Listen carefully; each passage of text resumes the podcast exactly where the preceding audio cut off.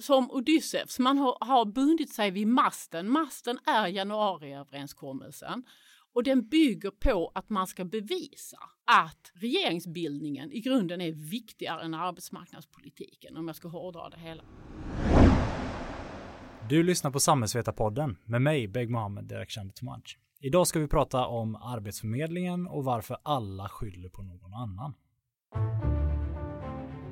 Bara för att vädret är galet så måste inte politiken vara det. Om vi får bestämma så kommer alla utvisas. Det här är ett styrkebesked för den svenska modellen. Blir det krig i Sverige så tror jag vi alla skulle vilja se en samlingsregering. You look at what's happening last night in Sweden. Who would believe this? Sweden!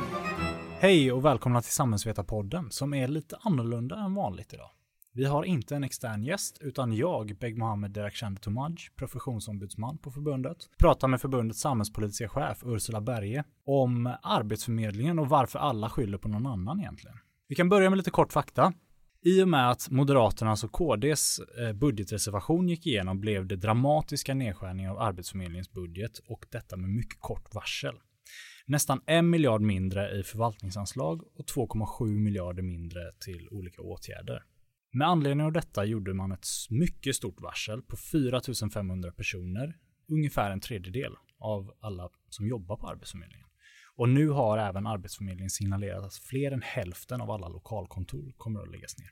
Och vi har ju haft eh, olika aktörer som är inblandade i arbetsmarknadspolitiken hos oss. Vi har haft Mikael Sjöberg här förra veckan.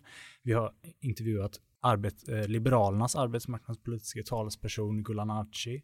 Vi har intervjuat Centerns Martin Årdal eh, och vi har även haft arbetsmarknadsutredningen eh, här hos oss. Så vi har verkligen grävt djupt i det här ämnet. Ursula, var står de olika parterna i här, de här frågorna egentligen? Ja, det är ju en jättesvår fråga för att eh, för det första är det ett väldigt spretigt politiskt fält. För det andra så är det det absolut skarpaste politiska fältet som är kom kompromissat i januariöverenskommelsen. Det är här den stora striden. För nördarna kan säga punkt 14 till 21 i januariöverenskommelsen. Det är där de stora kompromisserna har gjorts. Och kompromisser, om man ska vara ärlig så är det ju i stort sett kompromisser som ingen riktigt bär. Det är ingen som riktigt kan försvara det. Och det, man får lite intryck att förhandlingarna har, har eh, eh, präglats väldigt mycket av Centerpartiet och Liberalerna. Men det är väl också väldigt stor skillnad på det man gör och vad man säger. För de ingående januari, i januariöverenskommelsen ingående partierna är väldigt övertygade om att de ska göra det här som ger vissa konsekvenser. Men samtidigt så är det massor av de här konsekvenserna de inte vill ska ske. Till exempel är det ingen av de ingående partierna som vill att 132 lokalkontor ska försvinna. Framförallt inte Centerpartiet som har så mycket landsbygdsperspektiv i sin politik. Så konsekvenserna av den politik man har drivit fram och som finns i form av statsbudget och januariöverenskommelse är det idag ingen som bär. Då kan man ju undra som lekman. Såg man inte det här framför sig när man la fram de här förslagen? Eh, och va, om, om man nu menar på att man hade en tanke med, med att dra ner eh, anslagen här. Varför är det då ingen som försvarar det som har hänt? Men då blir, blir det en pusselbit till och det ena är att den statsbudget vi nu har är det Moderaterna och Kristdemokraterna som har drivit. Men inget av de partierna har skrivit under januariöverenskommelsen. Så det är också en kompromiss mellan den statsbudgeten som innebar den neddragningen du nämnde, 2,7 miljarder plus ungefär 1 miljard. Det är jättestora pengar.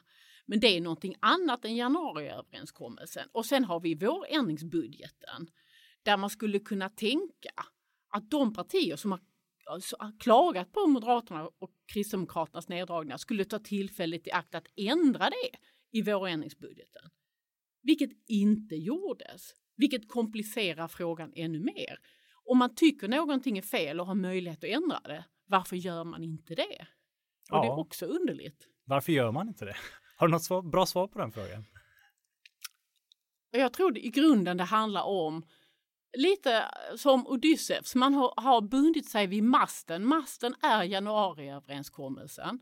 Och den bygger på att man ska bevisa att regeringsbildningen i grunden är viktigare än arbetsmarknadspolitiken om jag ska hårdra det hela. Man vill visa, framförallt Socialdemokraterna vill visa att man är trovärdig i att förhandla över blockgränsen. Och då måste man kompromissa och det blev arbetsmarknadspolitiken man offrade på den vägen. Mm. Så det, man kan nästan säga då, eller tolkar jag det rätt då om man, om man säger att eh, det, det, finns lite symbolpolitik i detta nästan? Mm. Och jag tror att en väldigt tydlig bakåt, bakomliggande skäl till varför man gör det här och låter det lite gå som det går, det är att det är många som har velat göra om arbetsmarknadspolitiken i Sverige. Vi hade åtta år med en alliansregering som verkligen ville i grunden ha en annan arbetsmarknadspolitik. Men det, för det första är det ett svårt politikområde. Det är svårt att hitta alternativa lösningar. Men att det man har bestämt sig för är att okej, okay, vi låter det här ske. Vi låter de här stora, stora neddragningarna ske. Vi låter lokalkontoren försvinna och sen låter vi eh, ja, men, lite, det, resterna får falla ner och så hoppas vi att någon fångar upp det i någonting som i grunden bärs av en tanke av att man ska privatisera Arbetsförmedlingen och arbetsmarknadspolitik överhuvudtaget. Och, och folk har en väldigt eh, rosenskimrande föreställning om till exempel hur bra privatiseringarna har gått till exempel i Australien. Och det är den bilden man har, att någon ska samla upp det här. Om någon är, är Arbetsförmedlingen själv eller regeringen, men någon ska samla ihop de här resterna och, och skapa någon form av privat arbetsmarknadspolitik. Mm. Men är det en strategi det här? Det som händer nu? Eller är det en slump på grund av eh, budgeten och januariöverenskommelsen och regeringsbildningsprocessen? Alltså finns det, för det är många olika händelser som har inträffat oberoende av varandra på något sätt. Men finns det något större bakom? Jag tror att det större bakom är att man vill bara ha en förändring. Man har gått till val på att arbetsmarknadspolitiken är väldigt eh, dyr och man har gått till val på att den skulle vara ineffektiv. Det är en koloss på lerfötter och så vidare och man vill bara göra om den. Och man har lite, lite så att säga grogrund för det, den hållningen med tanke på att Arbetsförmedlingen eh, lider av dåligt eh, tilltro eh, hos befolkningen i sin helhet. Vilket gör att, att det där är en retorik som går hem. Och då kan man lite slå sönder det och sen så blir det ändå någonting annat som kan vara bättre än det man har. Och, och, och det, det får man viss liksom stöd för i, i form av att, att eh, ja, det finns mycket retorik av stilen, det kan inte bli sämre. Just det. Um, och just det här med den låga tilltron till myndigheten som du var inne på. Är det, tror du att det gör det lättare att eh, ta till så här drastiska åtgärder? Ja, men det tror jag absolut. Att, eh, hade, det var, hade vi pratat istället om Skatteverket som är en av de myndigheter i Sverige som har absolut störst tilltro i befolkningen så hade man inte kunnat göra så här. För då hade man tillåtit sig att plocka fram objektiva fakta om hur arbetsmarknaden de facto fungerar det kanske inte är så att det per definition är Arbetsförmedlingens eh, fel att vi har eh, många personer som, som är i det som kallas utsatt ställning på arbetsmarknaden. Eh, och, och, det finns en massa missförstånd kopplat till hur Arbetsförmedlingen ska fungera som, som gör att eh, man tror att Arbetsförmedlingen ska förmedla jobb när de i grunden ska rusta människor som kommer hit från andra länder, som har eh, eh, eh, ehm, lämnat Försäkringskassan för de är utkvalificerade på grund av att de har en arbetsförmåga. Det är en helt annan målgrupp som vi har.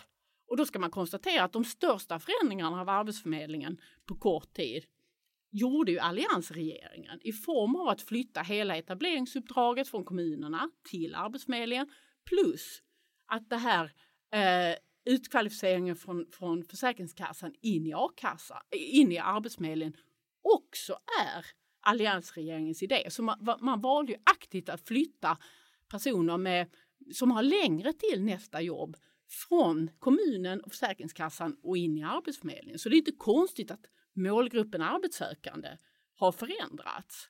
Men, men det orsakssambandet ser man inte utan man säger istället att det är Arbetsförmedlingen som är ineffektiva och då, då kan man rasera den.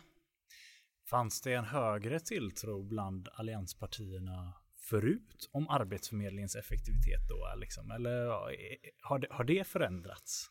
Ja, men jag tror det är en helt annan sorts eh, arbetsmarknadspolitiker inom borgerligheten idag än vad det var då. Jag bara tänker på seminarier och man eh, hade med eh, Sven Otto Littorin, den dåvarande arbetsmarknadsministern, moderat, som hade en förståelse för att för det första att den svenska partsmodellen har ett värde och för det andra att arbetsmarknadspolitik och arbetsmarknadspolitiska tjänster är svårt. Han införde reformer som nystartsjobb och så vidare och det reformerades både det ena och det andra. Men i grunden hade man respekt för att arbetsmarknadspolitiken det är inte bara att privatisera, det är inte bara att lägga ner, det är inte bara att och, och införa enkla jobb och sänka lönerna. Och det är någonstans där så att säga den borgerliga arbetsmarknadspolitiken idag ligger. Sänker vi bara lönerna, inför vi enkla jobb så behöver vi ingen arbetsmarknadspolitik. Och, och där har det hänt ett jättestort skifte skulle jag säga. Mm. Har Socialdemokraterna dragits med i det här skiftet eller varför gör Ylva Johansson de här stora förändringarna? Lite som jag var inne på tidigare, hon vill ju inte göra det här. Men hon, alltså socialdemokratin, och det blir lite metapolitik här, men socialdemokratin inser att man måste bryta upp blockpolitiken i Sverige. För vi, vi har tre block nu och inte två och socialdemokratin är inget 40 parti. Så man inser att klarar man inte av att bryta upp blockpolitiken så är socialdemokratin marginaliserade som en, ett regeringsbärande parti. Man måste göra det här. Och då hade hon oturen att vara minister för de frågorna som blev den stora stridslinjen och där de största kompromisserna fick göras. Så det är klart att hon vill inte göra det här, men hon inser värdet av att vara ett trovärdigt blocköverskridande parti som kan samarbeta med Centerpartiet och Liberalerna. Och det är lite lustigt att man väljer att samarbeta med de partierna som i någon mening i just de här frågorna står längst ifrån. Där står faktiskt Moderaterna och ibland kanske också Kristdemokraterna närmare än vad till exempel Liberalerna och Centerpartiet gör. Så det blir en extra konfliktyta i det. Ja.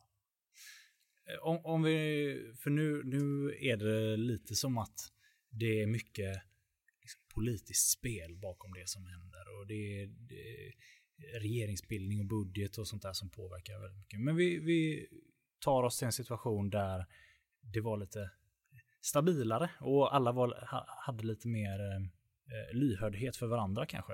Eh, tror du att det kan, alltså, kan man reformera arbetsmarknads... Hade man kunnat vänta med de här drastiska förändringarna och reformerat det eh, på ett mer för, förutsägbart sätt? Liksom? Jag tror ju, om, om man tar det i ett lite bredare perspektiv så kan man säga att den svenska arbetsmarknadspolitiken har ju präglats av samförstånd. Alltså det har präglats av att politiken kan lämna över ansvar till arbetsgivarorganisationer och fackförbund att lösa vissa saker gemensamt. Klassisk svensk partsmodell. Och där har vi kunnat hitta pragmatiska lösningar nu sedan Saltsjöbadsavtalet ungefär.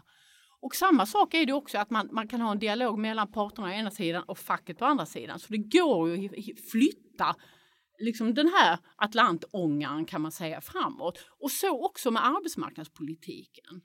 Och, och, det har ju suttit en utredning nu under två och ett halvt års tid som Cecilia Falberg ledde som vi poddade med för, för några veckor sedan, några månader sedan. Som har skrivit 900 sidor av klokt tänk och också med ett öppet sinne och tänkt utanför boxen vad det gäller en rad olika frågor som är kopplade till det här. Hur kan vi till exempel inte göra arbetsmarknadsåtgärder alltid i Arbetsförmedlingens regi utan till exempel för oss akademiker skulle reguljär utbildning på högskola och universitet kunna ersätta olika typer av arbetsmarknadsutbildningar i Arbetsförmedlingens regi? Hur kan utbildningssystemet bli en mer självklar del i arbetsmarknadspolitiken? Eller som du också har pratat om, hur kan kommunerna få en tydligare roll kopplat till arbetsmarknadspolitiken än vad man har idag? Eller vad är sant och falskt om privatisering av Arbetsförmedlingen? Vad vet vi? Är det per definition effektivare eller är det inte? Och där visar ju deras forskning och sammanställning på att det kan man inte bevisa att det, att det per definition är effektivare med privatiseringar. Så där finns 900 sidor kunskap. Och det är ju ingenting som all, alla de delarna behöver man inte vara överens om. Men en klok väg framåt hade ju varit att börja med att till exempel lägga, lämna ut detta på remiss så att kloka institutioner, om det så är fack eller arbetsgivare eller myndigheter, kan reagera på de förslag som ligger där.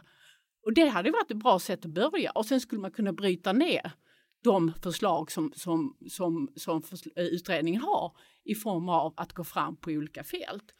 Och till exempel vad det gäller privatiseringar så skulle man kunna ge ett uppdrag till Arbetsförmedlingen. Bygg nu ut en kontrollfunktion och, och en ratingfunktion och gör, börja träna på att göra vettiga upphandlingar. För att ge liksom en privatiseringsväg en rimlig chans att lyckas. Och så skulle man kunna bryta upp det. Hur förhandlar man fram vettiga avtal med kommunen? Så det finns ju en vettig väg att gå framåt här. Och utifrån det politiska klimat vi har just nu så kan man ju säga att den förhandlingsviljan skulle ju finnas i till exempel socialdemokratin idag eftersom alternativet är det här. Så det skulle ju finnas ett förhandlingsutrymme. Så det långa svaret på din fråga är ja, det skulle finnas ett vettigare och lugnare sätt att göra en bättre reform än så här. Och då eh, har vi mycket av det eh, i arbetsmarknadsutredningen då. Vad, vad får, kommer den få för öde? Ser du framför dig? Ja, men det vi har hört är att den kommer inte remitteras i sin helhet utan de kommer att skriva delrapporter som de skickar ut. Alltså att departementet tolkar olika delar, skriver om i form av en departementsskrivelse och så kommer det att i sin tur remitteras. Jag tycker det är lite sorgligt öde för en stor utredning, men det är det vi har hört. Om vi då tänker lite mer på vilka problem det är man vill lösa här. Vad, vad är det som är trasigt egentligen? Och, och det här är också en lite speciell eh, situation för vi, de här metasiffrorna vi har, vi har en av västvärldens högsta sysselsättningsgrader, vi har högst kvinnlig förvärvsfrekvens i världen i stort sett, vi har framförallt en väldigt hög förvärvsfrekvens bland äldre i befolkningen och så vidare. Vi har ju, och vi har en arbetslöshet på runda tal 6 som ju såklart kunde vara lägre. Alltså det finns en massa sådana här metadata som talar för att det går väldigt bra för svensk arbetsmarknad. Men sen finns det ju problem. Och det tydligaste problemet är ju att en allt större andel av de som är arbetssökande är i utsatt ställning. De är 55 plus som anses vara en utsatt ställning. De är utomeuropeiskt födda, de är funktionsnedsatta eller de har en förgymnasial utbildning. Eh, och det kan man ju både se som ett problem och en möjlighet. Möjligheten är ju det, ja, men uppenbarligen så är personer som står närmare arbetsmarknaden så i jobb. Så att det är väl jättebra att personer som står nära arbetsmarknaden inte är arbetslösa. Men vad vi har sett är att den här gruppen utsatt ställning inom de, bland de arbetssökande har ökat som andel. Eh, och, och då är frågan, då blir ju varje insats man ska göra för att de här ska komma i jobb mer, blir ju mer omfattande än om du är en välutbildad 25-åring som, som, som skulle kunna ta ett jobb imorgon. Uh, så jag skulle säga att men detta är också resultatet av en annan politik. Vi har haft en migrationspolitik som, som, som har präglat de senaste fyra åren eh, och som därigenom också präglar arbetsmarknaden för de personerna är ju, är ju arbetssökande nu om de inte har kommit ut i arbete, vilket i och för sig en allt större andel gör. Så att jag skulle säga att det är just den här gruppen i utsatt ställning som anses vara alltså det sto stora problemet på arbetsmarknaden eh, och som behöver då speciella insatser. Mikael Sjöberg var inne på ett resonemang i förra veckans eh, podd också. Eh, och du också, ska sägas, tillsammans med honom. Ifall folk missförstår Arbetsförmedlingens uppgift på grund av namnet och på grund av då upplevt dåliga siffror kopplat till liksom förmedling av konkreta arbeten. Är det här, eh, är det, är det där skon klämmer? Jo, men det hör man ju ofta sådär. Jag känner ingen som någonsin har fått ett jobb via Arbetsförmedlingen. och alla har fått det via kontakter eller LinkedIn eller Monster eller vad de nu har fått det via. Och, alltså, och det är ju sant. Då kan man säga, de som säger det och har det som argument för varför Arbetsförmedlingen är ineffektiva kan säga, men det är inte Arbetsförmedlingens huvuduppdrag. Och det vet egentligen alla politiker. För Arbetsförmedlingens uppdrag är att rusta de som står längst ifrån arbetsmarknaden och se till att de kommer närmare arbetsmarknaden. Det har varit prio ett uppdrag för Arbetsförmedlingen under lång tid oavsett politisk färg på regeringen. Och ändå så gör man här retoriska modellen om att Arbetsförmedlingen förmedlar inga jobb. Och, men det man kan säga också för den, den som är lite kalenderbitare att den databas som till exempel LinkedIn använder för jobbförmedling genereras ju till 80 procent från Arbetsförmedlingen. Så, så alla de här privata jobbsajterna har ju jättemycket av sin fakta, ibland nästan allt, från Arbetsförmedlingen. Så indirekt är ju Arbetsförmedlingen också en jobbförmedlare, men det går via någon annan. Och den som är för privatiseringar kan ju inte tycka att det är fel. Att det istället sköts av LinkedIn. Så att eh, det blir lite konstig diskussion det där med att det är att man, eh, så, så jag håller ju med. Alltså den statliga utredaren Cecilia Fahlberg föreslog att man skulle byta namn på Arbetsförmedlingen. Och, och, så att folk fattar att det är inte Arbetsförmedling det handlar om. Och det har det, det har inte varit på länge.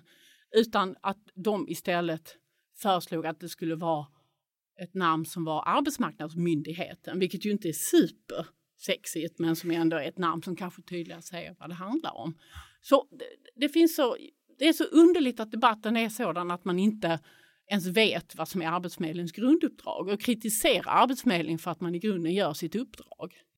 Hade det behövts någon slags folkbildningskampanj kring eh, vad Arbetsförmedlingen egentligen ska göra? Och eh, borde inte de som försvarar Arbetsförmedlingen ha folkbildat bättre?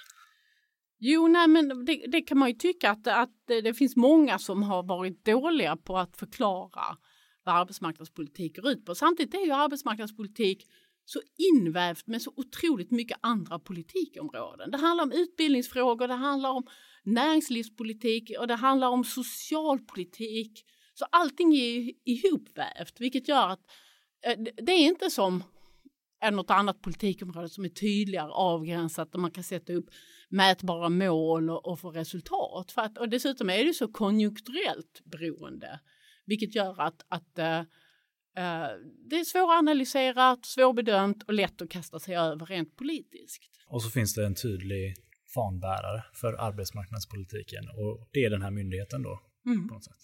Mm, precis, och, och, myndigheten har lidit av eh, dålig tilltro hos befolkningen och då, då är man en mer eh, legitimt mm, liksom, mål för, för kritik, vilket ju eh, Ja, och, och, det ska ju ärligt sägas att Arbetsförmedlingen har ju haft problem och har eh, behov av reformeringar, men inte på det här sättet.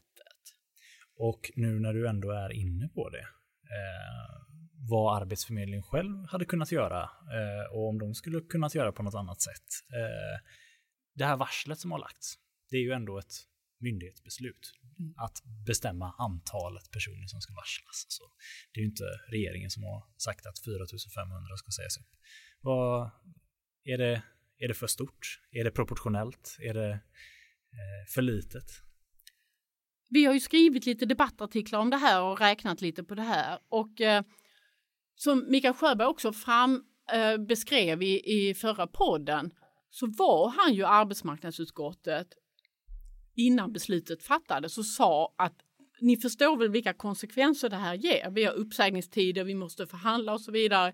Så vi kan de facto, om ni vill säga upp sig, om ni vill skära 10 procent så är det inte så att det innebär att vi säger upp 10 procent utan då måste vi säga upp 30 procent för vi kan bara spara de sista månaderna. Och han fick ju inte riktigt intrycket av att politikerna alltid förstod konsekvenserna av sitt eget beslut. Uh, och, och när, när, varslet kom och när 132, mer än hälften av alla kontor lades ner, så är det ju väldigt många politiker som har sagt det var inte det här vi menade. Och då kan man säga, skulle Mikael Sjöberg kunnat gjort på något annat sätt?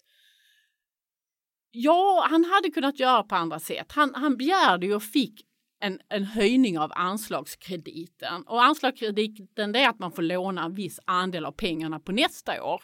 Och det hade han en kredit på 3 och den höjdes till 5. Han hade kunnat säga att han vill ha ännu högre. Han hade begärt 6% Han kunde säga att jag ville ha 10 procent eh, för att dämpa. Och så hade han kunnat säga upp till exempel 1500 personer. För nu har ju också Arbetsförmedlingen extremt många som säger upp sig och söker sig bort från Arbetsförmedlingen, vilket är ett jättestort problem för Arbetsförmedlingen också just nu. Men det finns ju en väldigt omfattande naturlig avgång. Eh, och det kan man säga, skulle han inte varslat istället 1500 personer, kanske stängt 30 kontor eller något liknande istället. Men då tror jag han tänker så här att jag vill synliggöra för politik, politikerna vad deras politik de facto betyder. Alltså han vill väcka dem lite och då, då drev man till på det här sättet. Men personligen här tyckte jag hade varit bättre om man hade eh, varslat en mindre andel. Å andra sidan skulle han aldrig fått politikerna att vakna om man hade varslat 1500 för det är ungefär så många som säger upp sig på ett år på Arbetsförmedlingen. Men har han lyckats då? Har han lyckats få dem att vakna? Det blev ju inga ändringar i vårändringsbudgeten till exempel. Nej, och det var ju ganska, tycker jag, ganska förvånande. För jag tycker inte man som politiker kan säga att Moderaternas, Kristdemokraternas neddragning är ohållbar, men vi tänker verkligen inte göra någonting åt det. Det tycker jag som politisk hållning är fullständigt obegriplig. Uh, så att uh, någonstans har väl politikerna bestämt sig för att det, det, är någon annans fel och att vi kommer nog undan med det genom att, att skylla på någon annan och alla skyller på någon annan. Socialdemokraterna skyller på Moderaterna och Kristdemokraterna. Eh, Moderaterna, Kristdemokraterna och Sverigedemokraterna som röstar igenom den här budgeten skyller på, på regeringen. Det är inte vi som sitter i regeringen. Eh, Moderaterna skyller också på Arbetsförmedlingen. Centern och Liberalerna skyller på Arbetsförmedlingen. Centerpartiet alltså, är ett landsbygdsparti som inte gärna vill bli av med 132 kontor i, i ofta centerledda kommuner. Mm. Uh, så de kan, de kan ju skylla på att Arbetsförmedlingen har, har misstolkat sitt uppdrag och så vidare. Uh, så, så alla skyller på någon annan kan man säga och Arbetsförmedlingen kan ju bara säga att vi har den budget vi har och vi måste och, och det tycker jag är Eh, på många sätt ansvarsfullt ändå att säga att som statstjänsteman säger Mikael Sjöberg till mig i förra podden att jag har ett enda uppdrag och det är att följa den budget jag har fått. Det, det, är det jag ska göra. Och sen ska jag följa lagar och förordningar och regleringsbrev. Det är det han ska göra. Han ska inte uttolka vad olika politiker egentligen menade, utan han ska se till att följa budget. Och det, det här är det sätt han ser att han kan följa budget. Men, men det är konstigt det där att eh, alla skyller på någon annan och ingen kommer att stå för detta om ett par år eller i nästa valrörelse säger, och säga att det var det här vi menade, för det menar ingen att det var det här vi skulle till. Du var inne på lokalkontoren där och pratade om det. Det är ju som sagt, vi har nämnt det några gånger, 132 lokalkontor som ska stängas eh, runt om i landet. Många av dem ute i glesbygden. Vad tänker du om det? Ja, eh, man kan tänka lite olika saker om det, men det ena är ju att det är ett väldigt, väldigt stor neddragning med en hälften av kontoren eh, läggs ner. Och sen kan man säga så, flera har ju sagt det här, vi ska inte lägga ner lokalkontor innan vi har en alternativ fungerande lösning. Det har bland annat eh, arbetsmarknadsminister Ylva Johansson sagt. Och då kan man säga att idag finns inga avtal tecknade mellan Arbetsförmedlingen och, och kommunerna vad det gäller att täcka upp på de här 132 ställena. Det finns dessutom inte på alla dessa 132 ställen fungerande privat arbetsmarknad i form av att det finns privata leverantörer av arbetsmarknadstjänster som kan kicka igång direkt. För vad vi vet och vad vi ser det är att i över hälften av de områden som Arbetsförmedlingen tittar på när man privatiserar eh, tjänster så finns det idag ingen fungerande marknad. Så den kommunalternativet funkar inte. Arbetsförmedlingen lägger ner och det privata alternativet fungerar inte i mer än hälften av områdena. Så de säger vi ska inte lägga ner innan vi har en alternativ bra lösning. Kan säga. där är de ju inte idag. Det finns ingen alternativ bra lösning på väldigt, väldigt många ställen. Mångas eh, och AFs sätt också, Arbetsförmedlingens sätt att eh, möta det här på något sätt. Vi pratar mycket om digitalisering och digitala möten och att det finns en verksamhetsidé som eh, Sjöberg nämnde i förra podden. Att, att allt fler av mötena måste ske digitalt. Och, och på något sätt kanske man ska ha tilltro då till de arbetssökande att de, de kan faktiskt sköta det här och så. Men kan Arbetsförmedlingen klara av den digitaliseringen? Ja, de, de har ju extremt stor tilltro till digitaliseringen nu. De har också en extremt stor tilltro till att de arbetssökande kan svara emot det här. Och, och jag tror absolut att digitalisering är en väg framåt, men, men det är ju en monumental övertro. Det kan man tänka bara när man själv har sökt föräldraledighet. Det är lite skönt att gå in på Försäkringskassan och bara klicka på några olika ställen.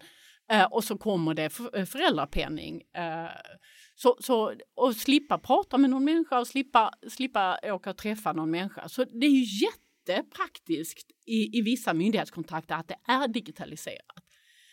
Men då måste man inse att att vara arbetssökande, det är ju någonting annat än att söka vab en måndag för, för sitt sjuka barn.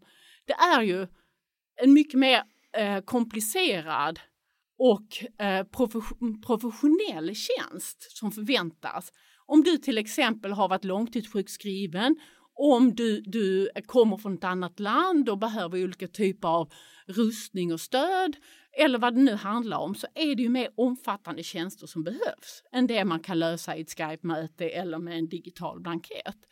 Så att, eh, och jag tror att det, det är en viss övertro också i att, att alla de här målgrupperna vi pratar om är precis lika digitaliserade som, som eh, säg, välutbildade människor som redan befinner sig på arbetsmarknaden som söker vab för sitt barn. Det, det, är lite olika målgrupper vi pratar om.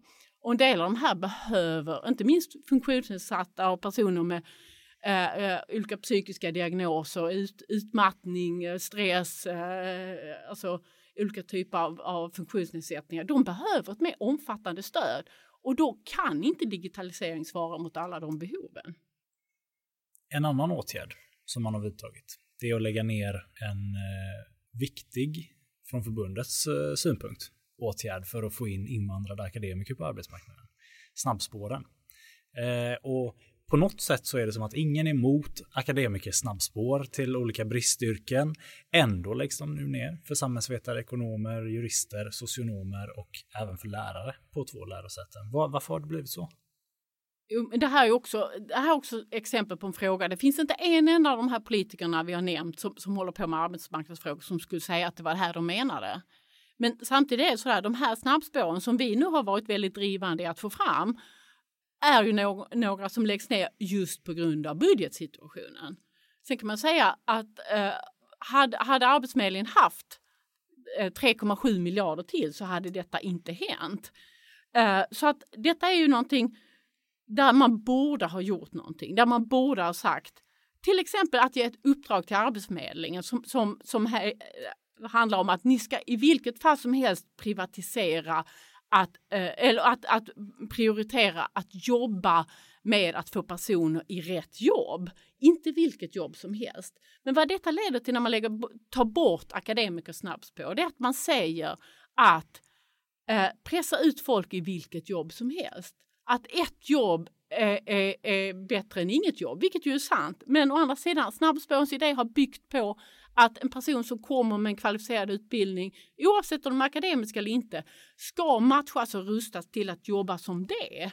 Och snabbspåren har också riktat in sig på bristyrken, det vill säga personer som behövs på svensk arbetsmarknad idag. Och att man inte där öronmärker i januariöverenskommelsen att man får inte röra eller det får inte drabba eh, sådana här väldigt, eh, åtgärder som i väldigt stor utsträckning leder till rätt matchning på arbetsmarknaden. För vi har fått utvärdering på det här. Våra snabbspår för samhällsvetare, ekonomer, jurister och socionomer. Två av tre har kommit i rätt jobb, i rätt bransch eller i rätt vidareutbildning. Extremt bra resultat vad det gäller att matcha till bristyrken. och att man inte kan värna det. Istället står det att man ska prioritera eh, att få fram eh, arbets, eh, eh arbete till personer utan utbildning. Men att man inte kunde värna det här. Det, och att man inte kan se att detta blir effekten och kompensera för det i form av att ge ett specifikt uppdrag till Arbetsförmedlingen. Det visar att man i grunden tycker det är strunt samma. Tyvärr. Och det, det, känns ju på något sätt som lågt hängande frukt för politikerna. Om man vill få ner eh, arbetslösheten bland utrikesfödda. Och så har vi en reserv, en utbildningsreserv eller vad man säger. Ja, men då tror jag, alltså det handlar lite om den stora migrationsdebatt vi har i Sverige. Att det finns fortfarande bild av att vi har en väldigt, väldigt hög arbetslöshet bland utlandsfödda personer och de är i stort sett analfabeter allihop. Och därför ska vi pressa ut dem i eh, lågbetalda, enkla jobb. Och, och, det där är en debatt som Sverigedemokraterna har fört fram och som massor av andra politiska krafter understödjer. Att det inte är lönt att satsa på de här grupperna för de är i stort sett analfabeter allihop, när det verkligen inte är sant. Så att kunna säga att snabbspår är vi för, det innebär visserligen att du ska utbilda dig och göra praktik i ett helt år. Eh, men att du sen kommer ut i ett akademikerbristyrken bryter mot hela den bilden att alla är analfabeter. Och, och därför vill man liksom på något sätt, ja men de ska bara ut i jobb, vilket som helst, så snart som möjligt. För att försöka hålla emot den här SD-debatten i, i, i migrationsfrågor. Tack Ursula. Det Tack. var allt från Samhällsvetarpodden den här veckan. Samhällsvetarpodden görs varannan vecka och fångar upp stora samhällspolitiska frågor, helst med facklig twist. Samhällsvetarpodden görs av Akademikerförbundet SSR, Sveriges ledande samhällsvetarförbund.